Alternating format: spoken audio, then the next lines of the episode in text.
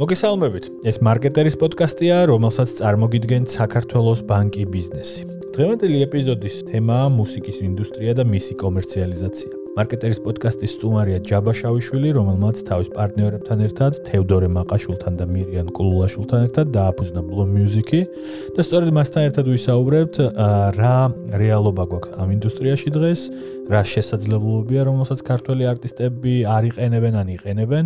გამარჯობა ჯაბა და მადლობა რომ მოხვედი მარკეტერის პოდკასტში. გამარჯობა აკო, მადლობა მოწვევისთვის და დავიწყოთ. პირველ რიგში ესე იგი ეს ადამიანები და ეს სახელგვარები მე ვინც ჩამოვთვალე ხა ჩვენი მსმენელისთვის ალბათ ხშირად გაუგიათ ძირითადად მუსიკის ინდუსტრიაში სხვადასხვაგან ეს ხალხი ხშირად ხვდებოდნენ ხან რასაკეთებდნენ ხარას მაგრამ როგორც ხვდები პანდემიის შვილია ეგრეთ წოდებული blue music ხო კი ჩვენს ვიფიქრეთ რატომღაც პანდემიისას ალბათ ყოველას დიდი დრო ქონდა ფიქრისთვის და აა გაჩნდა ეგეთი იდეა რომ სრულიად განსხვავებული კომპეტენციის ადამიანებს შეგვეკრა ესეთი გუნდი და ჩამოგვეყალიბებინა კომპანია რომელიც იზრუნებდა რაღაც კონკრეტული მიმართულებით. ანუ არსებულ მუსიკალურ ინდუსტრიას ან დავარქვათ რომ ჩანასახში არსებულ მუსიკალურ ინდუსტრიას კიდევ ერთ ჯაჭვის რგოლს დაამატებდა. და ეს ჯაჭვის გოლი აღმოჩნდა არტის მენეჯმენტი ძირითადად. თუმცა სხვა მიმართულებებითაც უაქტიურეთ მაგრამ ძირითადად ჩვენ ყოველთვის გამოყოფთ რომ არტის მენეჯმენტი ჩვენი კომპანიის ძირითადი მიმართულება იქნება. თედოც და მიროც საკმაოდ დიდი ხანია რაც მუსიკალურ ინდუსტრიაში მოღვაწეობენ. სხვადასხვა მიმართულებით თედო უკვე თითქმის 10 წელი არის არტის მენეჯერი და ალბათ ერთ-ერთი პირველი ვინც აიღო ეს ინდივიდუალური პასუხისგებლობა და სრულიად ესე ვთქვათ გაუთუ თვითცნობიერებელ ინდუსტრიაში ჯერჯერობით. მაინც გადადგა ეს ნაბიჯი და უკვე ყავდა ვთქვათ ორი ბენდი ლაუდსპიკერსი რამდენიმე წლის წინ და ახლა უკვე კილეიჯის საკმაოდ პოპულარული ქართული ბენდის არტისტ მენეჯერია ხოლო მირო არის ერთ-ერთი ძალიან კომპეტენტური, ალბათ ყველაზე კომპეტენტური ადამიანი მუსიკალურ ინდუსტრიაში იურიდიული მიმართულებით. ეს მიმართულებაც საქართველოში ძალიან ცოტა ადამიანს თუ აინტერესებდა და მირო ალბათ ერთ-ერთი პირველია სწორედ ჩვენ ქვეყანაში. ჯავა მადლობა ამ წარდგენისთვის და ისე მსმენელისთვის გასაგები რო იყოს გუნჩი როგორ ნაწილდება. აი უბრალოდ რომ დავხუროთ ახლა Bloom Music-ის თემა ამით. მსმენელისთვის გასაგები რო იყოს სამივე ამ შემთხვევაში როგორც არტისტ მენეჯერი ისე მუშაობ თუ რაღაც გადაწილებულია. ვინაიდან ვინაიდან მაინც რაც სხვადასხვა კომპეტენციები გვაქვს, რა თქმა უნდა გადანაწილებულია მეტნაკლებად მიმართულებები, რომლითაც ვიმუშავებთ. თუმცა ყველა სამივეს ქვია მაინც ერთად არტის მენეჯერი, ანუ არტის მენეჯმენტს ყველანი ვითავსებთ, მაგრამ რაღაც განსხვავებული მიმართულებებით, თედო თავისი მიმართულებით, მირო რაც იურიდიული მიმართულებით, მე ცოტათი მარკეტინგს და ციფრულ სფეროს მივედები და ვფიქრობთ, რომ ესე ვთქვათ, წარმატების ფორმულა სწორედ ამ კომპეტენციების გაერთიანებაშია. ეხლა გადავდივართ ყველაზე საინტერესო ნაწილზე, რომელიც ქვია უშუალოდ არტისტ მენეჯმენტს, იმიტომ რომ ეს სიტყვა თითქოს გასაგებიც არის და ცოტა ხნის წინ, მეგონი 2 დღის წინ დაანონსეთ, რომ ერეკლე დეისაძეს სწორედ თქვენი კომპანია და თქვენ გაუწევთ მოკლედ არტისტ მენეჯმენტს. მოკლედ ჩავთვალოთ, რომ ჩვენ ძალიან ბევრი ადამიანი გვისმენს ახლა, რომელსაც საერთოდ წარმოქმნა არ აქვს ეს ყველაფერი. რა ხდება და ზუსტად რას გულისხმობს? ანუ არტისტს რაში ჭირდება? ზოგჯერ მიჩნეულია, რომ არტისტმა ეს თვითონ დააკეთოს, ან შიგნით ყავს ეს სტაფი. რა რა მოლოდინი უნდა კონდეს? როგორ მუშაობს ეს ყველაფერი? ესეც მაინტერესებს. ასევე მაინტერესებს შე რო გითხრა როგორ ხდება შერჩევა არტისტის ეს ორმხრივი ინტერესი? უნდა იყოს აუცილებლად ანუ კომპანიასაც და არტისტ მენეჯერებსაც უნდა მოწონდეთ არტისტი და იმასაც პირიქით. თუ შეიძლება რომ თქვენ საერთოდ არ ეთანხმებოდეთ იმ ჟანრს რომელსაც X ადამიანი აკეთებს. მოკლედ აი ამაზე ვისაუბროთ რომ ჩავახედოთ მსმენელს რაც შეიძლება გასაგები რო იყოს. იმას გეტყვით რომ არტისტ მენეჯმენტი სოფლიო მუსიკალურ ინდუსტრიაში უკვე ალბათ 60-70 წელი უკვე არსებობს, როდესაც უკვე დაიწყო ხმის ჩამწერმა სტუდიებმა ეს თქო აქტუალური ფუნქციონირება და რაც მუსიკალური ინდუსტრიის ჩანასახი გაჩნდა სოფლიოში. აა და ბევრი წარმატებული და დღეისთვის უკვე რაც ლეგენდარული ბენდების მოღვაწეობა არაფერი არ იქნებოდა. ნუ იქნებოდა, მაგრამ ისე დონეს ვერ მიაღწევდა ნამდვილად, რომ არა არტის მენეჯერები, რომლებმაც თავის თავზე აიღეს ეს მიმართულება თვითონ ჯგუფის შიგნით და ჯგუფის მთლიანად კრეატივი და შემოქმედება გადაერთო მათ შემოქმედებით პროცესზე. ეს იქნებოდა Beatles, Rolling Stones, ან თუნდაც თანამედროვე მუსიკიდან რო ავიღოთ რავი, Madonna, Kanye West და ასე შემდეგ. აა ყველანი დაფუძნებულები არიან მათ არტისტ მენეჯერებთან და მათ ურთიერთობასთან არტისტ მენეჯერებთან. აა რაც შეეხება საქართველოს აქ მოგეხსენებათ რომ მუსიკალური ინდუსტრია როგორც ასეთი ჯერ მაინც არ არსებობს და ზოგადად დამოუკიდებელი საქართველოს მუსიკალური სცენა დაახლოებით ჯერ მხოლოდ 30 წელს ითვლის და 70 წელს საკმაოდ ბევრ პრობლემას გადააწყდა.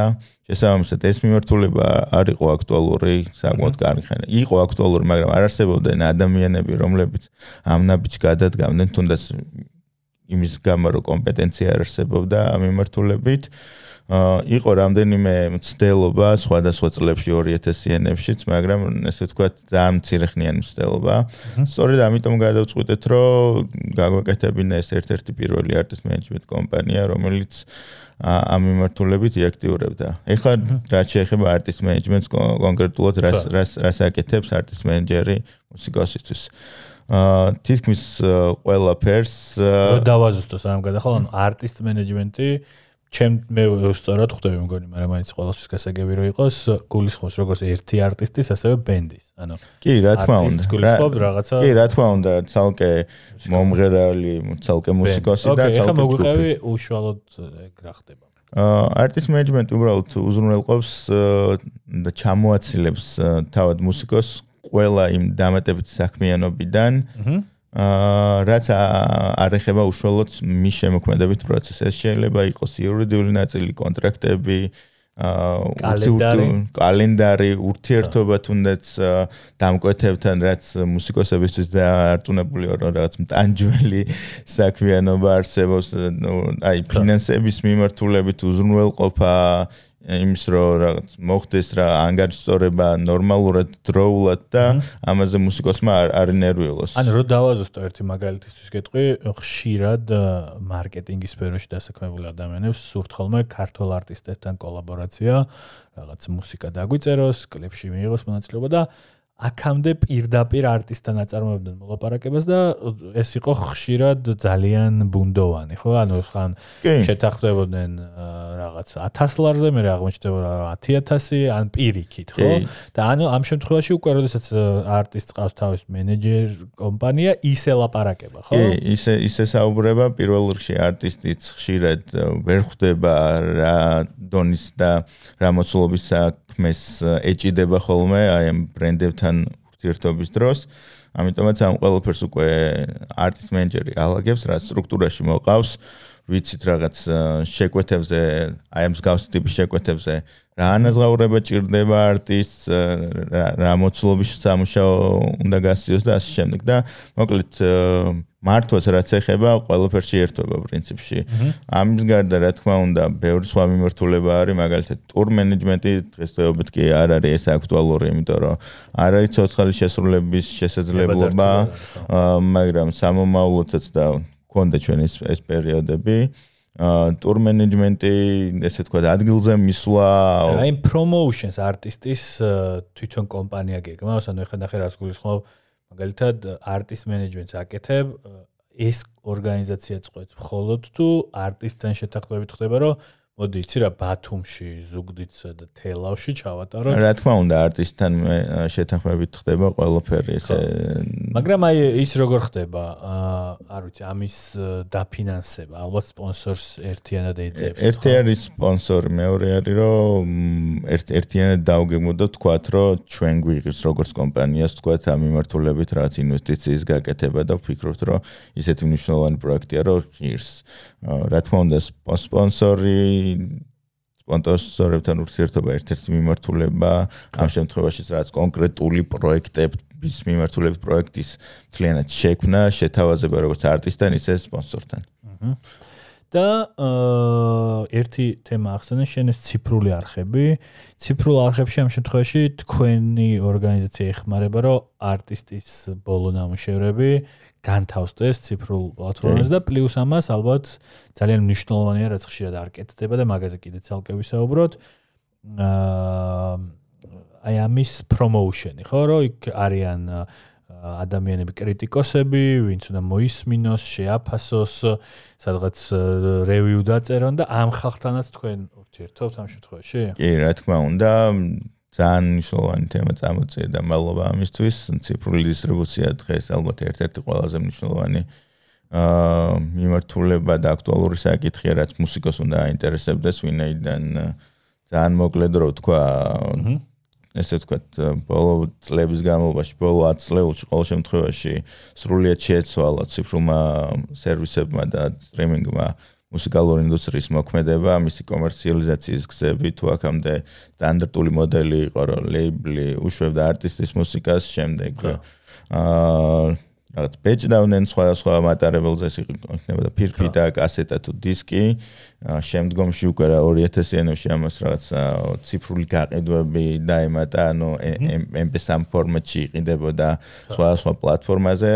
აა დღეისთვის უკვე ეს მოდელი აღარ არის აქტუალური, რა თქმა უნდა, ბევრი მუსიკოსი აკეთებს, მაგრამ არ მგონია რომ ბევრს კონდეს გაცვლა ამით რაღაც შემოსავლის მიღებაზე, იმიტომ რომ ძალიან რთულია. მიუხედავად იმისა, რომ ბოლო წლების განმავლობაში თუნდაც ფირფიტის გაყიდვების რაოდენობა ძალიან მოიმატა, მუსიკოსი ფინანსურად ამაზე ვერ გაწულს. ამიტომაც ალტერნატივად, ერთ-ერთი ძირითადი ალტერნატივად შეიძლება სწორედ ციფრული არხები და ციფრული სტრიმინგ სერვისები, ისეთი როგორც არის Spotify, Deezer, Apple Music, Amazon Music და ასე შემდეგ და ასე შემდეგ. და ერთი ძირითადი პრობლემა რაც არის, ხოლმე არის კომერციალიზაცია საქართველოში. აა მეც მიკითხავს რამოდენიმე არტისტისთვის, რატო ხდება ისე, რომ პირდაპირ როგორც კი ახალი ტრეკი გამოდის, ხდება ის საჯარო, შეიძლება ასე ვთქვა, YouTube-ზე ხელმისაწვდომი. შესაბამისად, ჩდება ალბათ კითხვა, რომ ამან რო ესეთი კარგი რაღაც გააკეთა, რატო არის ეგრევე ესე ხელმისაწვდომი. ამაზე რა რჩევა გექნებოდა თქვენი მიდგომა როგორ არის და თვითონ აი ეს YouTube-ზე რო ათავსებენ, აი ეგ როგორ არის არტისტი და აა პირველ რიგში YouTube-ზე განთავსება ყველაზე მარტივი გზაა მათთვის, იმიტომ რომ ყველას აქვს ამ პლატფორმაზე და რავი, 10 წუთში შეგიძლია უკვე განათავსო შენი ნებისმიერი კომპოზიცია YouTube-ზე, მაგრამ არ ვიცი რამდენად იციან მუსიკოსებმა თუნდაც ან მსმენელმა, რომ YouTube ერთ-ერთი ყველაზე აა ესე თქო, ცირედით გადამხდელი არის მუსიკოსის, ანუ მაშინ, როდესაც თქვათ, თან ესე თქო, მაგალითად ვამბობ Spotify 1 მილიონ სტრიმზე შეიძლება იხდიდეს, არ ვიცი, 1000 დოლარს, YouTube-მა შეიძლება 100 დოლარი დაწეროს თუნდაც 1 მილიონ სტრიმზე, ანუ 1 მილიონ მოსმენაზე ან ნახვაზე. და ამ მიმართულებით ბევრი შევა გვექნება, იმიტომ რომ დღესდღეობით YouTube კი ვიცი რომ ძალიან ადვილია და მარტივია და ხელმისაწვდომია, მაგრამ ყველა არტისტს ურჩევდით რომ ნენელა გადავიდნენ ციფრულ სტრიმინგებზე, თუნდაც Spotify-ზე ნებისმიერ მათი სასურველზე ან ყველაზე ერთად თუნდაც რაც პრობლემას არ წარმოადგენს. იმიტომ რომ მოგეხსენება წელს უკვე Spotify ჩვენთან შემოვიდა. აა და ასევე თუნდაც მსმენელიც რომელიც უკვე ეძებს ამ საკუთარ ქართულ მუსიკოსებს Spotify-ზე, ისე არ უნდა დავხვდეთ, რომ იქ ქართული მუსიკოსი ვერ მოწებნოს. ამიტომაც მაქსიმალურად მნიშვნელოვანია, რომ ერთი მხრივ მუსიკოსები გადაერთონ ამ ციფრულ პლატფორმებზე და განათავსონ მათი მუსიკა და მეორე მხრივ სმენელიც გადავიდეს უკვე ნენელა ამ მიმართულებით, ვინაიდან დღესდღეობით ძალიან ცოტა ესე ვთქვათ გზა არის დარჩენილი, რომ როგორც მენელი დაეხმარო შენ საყვარელ მუსიკოს და სტრიმინგი, ანუ რომელიც შენ საყვარელ მუსიკოს რაც თუნდაც იმ ერთ მოსმენაში, რასაც შენ აკეთებ, რაღაც კონკრეტულ თანხას უხდის. მე ვფიქრობ, რომ ერთ-ერთი საუკეთესო გზა არის, ამიტომაც თუნდაც არსებობს ამ შემთხვევაში Spotify-ზეც აა ასე ვთქვათ, უფასო სერვისი, ანუ უფასო მოდელი, ანუ არაფერს არ იხდი. თუნდაც უფასო მოდელითაც რომ მოусმინო, მე მგონია რომ უკეთესი იქნება ვიდრე YouTube-ზე მოსმენა და ასე შემდეგ. Spotify შეხედა, არ შემიძლია არ გამოუყო, ცოტა ხნის წინ Spotify პირდაპირ კავშირზე გამოვიდა მარკეტერთან. მათ წარმოადგენს რაც საინტერესო იყო ხაკ, ეს არ ნიშნავს იმას, რაღაც გიждდებიან მაინც და მაინც საქართველოს შემოსვლას და ხვალ აქ რაღაც დიდ ფესობის გადგმას. გეგმავენ თუმცა ალბათ ესეც იქნება, იმიტომ რომ ცოტა ხნის წინ საერთოდ არც კი განგვიხილავდა ხო Spotify აქ შემოსვლაზე. მოკლედ Spotify პირველად მარკეტერთა თანამშრომლობისთან თანამშრომლობის პარგლებში გამოაქვეყნა ჩარტები. და აი აი ეს რო დაინახე შენ რა შეფასება რა სადავართ მოკლედ მაგაბავში? აა რამდენად ის იყო ეს მოკლედ სიურპრიზი? ხო არ დაგვაუტყოს რომ შაშან თუნდაც გავრცელდა იგივე ჩარტები YouTube-დან რაც რაც ცოტა შოკის მომგვრელი იყო მაგრამ უნდა ვიცოდეთ მაინც რეალობის მიმართულებით სად ვართ იმიტომ რომ რაც YouTube-ზე მხოლოდ რაც კონკრეტული ადამიანის რაოდენობა ან რაღაც მეგობრების წრე არ უსმენს უსმენს თელი საქართველოს და თელი საქართველოს ძალიან სხვადასხვა გემოვნების ადამიანს მოიცავს. აა მათგან გასულ აი მაგიტომ იცი რატო დავსვე ეს შეკითხვა ზუსტად ჩემი კითხვა აქეთ მიდის ის არტისტები და ის მუსიკა რაც ჩვენ მოგწონს, ხო? რამდენად შეიძლება ეს მithwes ქართულად შესრულებული საქართველოსშივე იყოს მომგებიანი? ეს აქეთ მიმყავს ეს კითხვა რა. იმიტომ რომ ხშირად ის ხალხი, რომლებიც რაღაც ძალიან მასიურ პოპ კულტურას თუ არ ვიცი რა სწორი სიტყვები შენ შეარჩი ქმნის, ის ისედაც ბედნიერია, სადღაც ქორწილშიც მღერის, სცენაზეც მღერის, ფილარმონიაშიც მღერის და ტელევიზიაშიც მღერის. ის არტისტები, რომლებსაც ახლა ჩვენ მოვიაზრეთ, ჩვენი სმენელი მეტნაკლებად უსმენს, მაგრამ აი ამ ხალხმა შეიძლება რომ მხოლოდ არტისტობით გაიტანოს მოკლედ თავი? აა საქართველოს მასშტაბში. თუ თული თული კითხვა, ვფიქრობ, ნაწილობრივ მაინც შესაძლებელია ამის მიღწევა. აა თუნდაც სტრიმინგ პლატფორმებზე გააქტიურებით, ანუ ეს არ არ უნდა იყოს უბრალოდ რომ სადაც განვთავსე ჩემი მუსიკა და ის თავისით იმოქმედებს, თავისით გახდება ვირუსული, თავისით მოусმენს ბევრი ადამიანი. ამ მიმართულებითაც ძალიან ბევრი სამუშაოა და თუნდაც ჩვენ Blue Music-ს გვაქვს მაგის კომპეტენცია და შესაძლებლობა და სურვილი რომ ამ მიმართულებითაც დავეხმაროთ კონკრეტულ და ვითანამშრომლოთ კონკრეტულ არტისტებთან ვისთანაც ხედავთ თუნდაც ჩვენ ამის შესაძლებლობა. რა თქმა უნდა პროდუქტი ამაში უნდა გიწყობდეს ხელს ანუ ხო მუსიკალურ მუსიკას საბოლოო ჯამში პროდუქტი ანუ მუსიკალურ პროდუქტი უნდა გვიწყობდეს ხელს აა ჩვენც უნდა გჯეროდეს რომ მიღწევადია და აა მოკლედ რო ვთქვა მარტო Spotify-ზე ან Deezer-ზე განთავსება არ კმარა თუნდაც არსებობს Spotify-ს გააჩნია ესეთი პლატფორმა Spotify for Artists სადაც შეგიძლია თუნდაც ახსენე მუსიკალური კრიტიკოსები, კრიტიკოსები არა, მაგრამ ედიტორები ყავს, ანუ რედაქტორები ამ პლატფორმას, რომლებიც სალკეულ პლეილისტებს ადგენენ და ის პლეილისტები, რომლებიც ხშირად ჩვენ მოგწონს, მათი შედგენილია ხშირად. და არსებობს შესაძლებლობა ფიჩინგის, ანუ წარდგენის შენი ახალი რელიზის წინასწარ, რომ ესე ვთქვა, თავი მოაწონო ამ რედაქტორებს და თუ ეს ყველაფერი განხორციელდა და პროდუქტიც ხელს გიწყობს, მოხდე საკმაოდ დიდ პლეილისტში და პლეილისტებში მოხვედრა არის Spotify-ზე ერთ-ერთი ყველაზე კარგი შესაძლებლობა, რომ რეალურად არტისტ არტი მერტმა ადამიანმა მოგისმინოს თუ მოეწონათ ისინი საკუთარ პლეილისტებში ესე ვთქვათ გამატებენ. და ასე შემდეგ. რა ამის ერთ-ერთი კარგი მაგალითი არის თუნდაც კილეიჯისი რომელიც ვახსენე. საკმაოდ საკმაოდ წინ წავიდნენ რა დღეს უკვე აა მაშინ როდესაც რაღაც სტანდარტულად ქართულ მუსიკოსებს აა ყავთ რაღაც 1000 ანუ 2000 მსმენელი თვიური მსმენელი რომელიც არის ერთ-ერთი ყველაზე მნიშვნელოვანი გენელი არტისტის წარმატებისა Spotify-ზე Killage-ის რომელიც ამ მიმართულებით საკმაოდ ბევრი იმუშავა თავად TED-ომ დღეს უკვე 11000 ესე თქვა ვირუსვენი იყოს და არა მარტო საქართველოს საკმაოდ ბევრი საკმაოდ ბევრი ქვეყნიდან ამერიკა, რავი, ევროპის ქვეყნიდან, აზიის ქვეყნებიდან და ასე შემდეგ. ჯაბა, რო დავაზუსტოთ, მან ანუ თქვენ ანუ მასშტაბირებადი რო იყოს, ხო ხა ისე ჩვენ მაინც ბიზნეს მარკეტინგ პოდკასტში ვართ. და ეს მასშტაბირებადი რო იყოს ის წარმატება თუ არ ვიცი, შედეგი ასე ვთქვათ, მაინც არტისტმა ალბათ მაინც ინგლისურად უნდა კეთდებოდეს მუსიკა თუ არ ვიტყვი. თუ გახსენდება რამე მაგალითი, აი საქართველოს ქართველი არტისტისთვის, რომელიც ეხა ჩვენ გვისმენს, რა შეიძლება იყოს მოკლედ мотиваტორი, ანუ ვი ვიზე უნდა ფიქრობდეს, აი რომელიმე გახსენდება რაღაც პატარა ქვეყნიდან ძალიან პოპულარული არტისტი, რომელიც არ ვიცი, თელმა სოფლიომ გაიცა. აა მე არ ვფიქრობ, საინტერესო კითხვა, მე არ ვფიქრობ საერთოდ, რომ ინგლისურად უნდა იმღეროს და ეს არის მოსაწონი.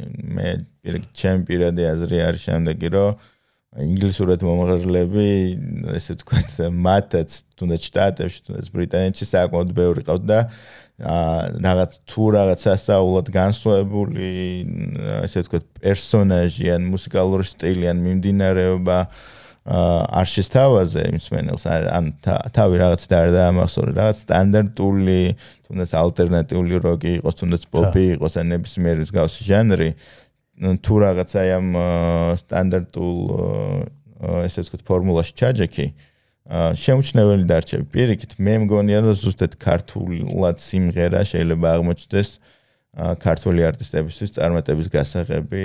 ამისთვის რამდენიმე მაგალითს მოვიხმარ. ხო.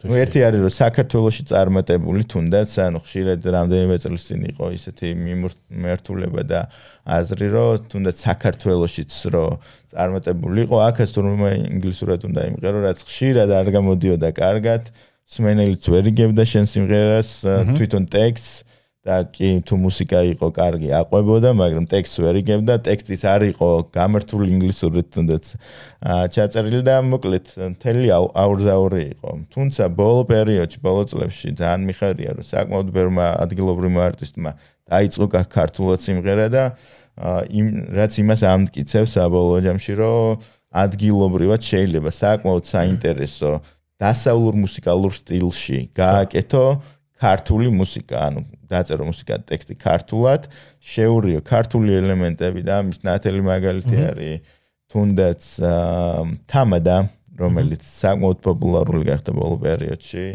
მურმან წულაძის ბენდი, რომელიც ეხლა ხან ზაფხულში დავესწარი მართ კონცერტს და აი სასაული ენერგია მოდიოდა და ქართულად ქართულად მღერიან. აა თამადა მართლა ძალიან საინტერესო მიმართულება. ასევე ქართულად მღერის ერეკლ დეისაძე საქართველოს ფარგლებში პოპულარულია, მაგრამ უნდა გითხრეთ, რომ შარშენ კონდეთ ზუსტად, ანუ უკვე დაარელიზეს რამდენიმე წელს წინ აა ფრანგულ ლეიბლზე.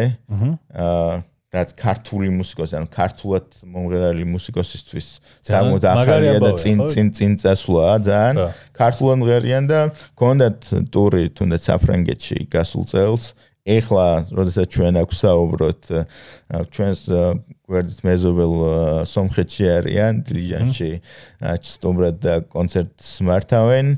და ვფიქრობ კიდევ კიდევ ძალიან ესე თქვა პანდემიური პერიოდი რო არ მოწევდა კიდევ უფრო წინ წავიდოდნენ და დარწმუნებული რომ რეალურად წავლენ. ამიტომ კიდევ ძალიან უამრავი ბენდია რომლებმაც ხართ სიმღერა დაიწყეს. რეალურად 1-2 მაგალითი მინდოდა შენ უფრო მეტი ჩამოთვალე რომ ესე იგი გვაქვს საბაბი გჯეროდეს ამ ყველაფრის. ეხა კიდე ერთ კითხვას დაგიცვა, იმიტომ რომ ეს მე რომ სვენელი ვიყო ალბათ გამიჩნდებოდა. თვითონ არტის მენეჯმენტს რასაც თქვენ აკეთებთ და ადამიანს რომელიც ნიჭიერია თავის მიმართულებით ეხმარებით სხვა ბიუროკრატიული და რაღაც მარკეტინგული და მენეჯმენტის საკითხებში. მაგრამ ეხლა რომ ისე არ მოხდეს რომ რაღაც 500 არტისტი არ მოგადგეთ რომ ჩემი ისიც გააკეთეთ.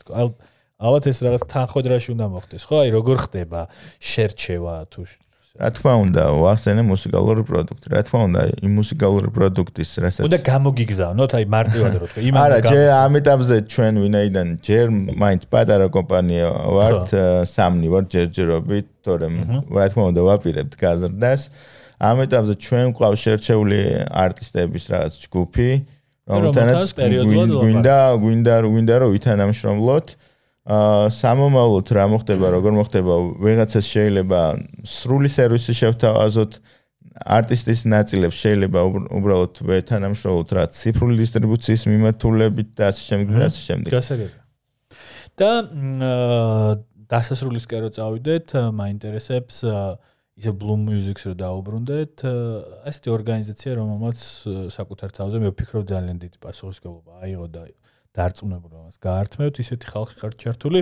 აა გარდა ამისა კიდე სხვა პროექტები თუ არა, რაზეც ეს კომპანია იმუშავებს, გარდა არტისტ მენეჯმენტისა, იმიტომ რომ რაღაც არის გაციფრულება, ძველი ამ კი დაარსების დღიდან ჩვენ გქონდა იდეა, რომ ციფრული დისტრიბუცია, რომელიც ახსენე საქართველოსში არ იყო ისე ესე ვთქვათ, წინწესული, ძალიან ბევრი არტისტი, თანამედროვე არტისტი აკლდა Spotify-ზე, Deezer-ზე და სხვა პლატფორმებზე, ამიტომაც წამოვიწოთ ეს პროექტი გააციფრული ქართული მუსიკა, სადაც ვეხმარებით უკვე ბევრ ამაში, პირველ რიგში ძალიან კარგი პირობებით ყავს ციფრული ესე დისტრიბუციის აგრეგატორი, ანუ ეს არის კომპანია, რომელიც არის შუამავალი აა ციფრულ პლატფორმებსა, მაგალითად Spotify-სა და ზოგადად არტისტებსა და ლეიბლებს შორის და ძალიან კარგი პირობებით გვაქვს ერთ-ერთ წამყვან ამერიკულ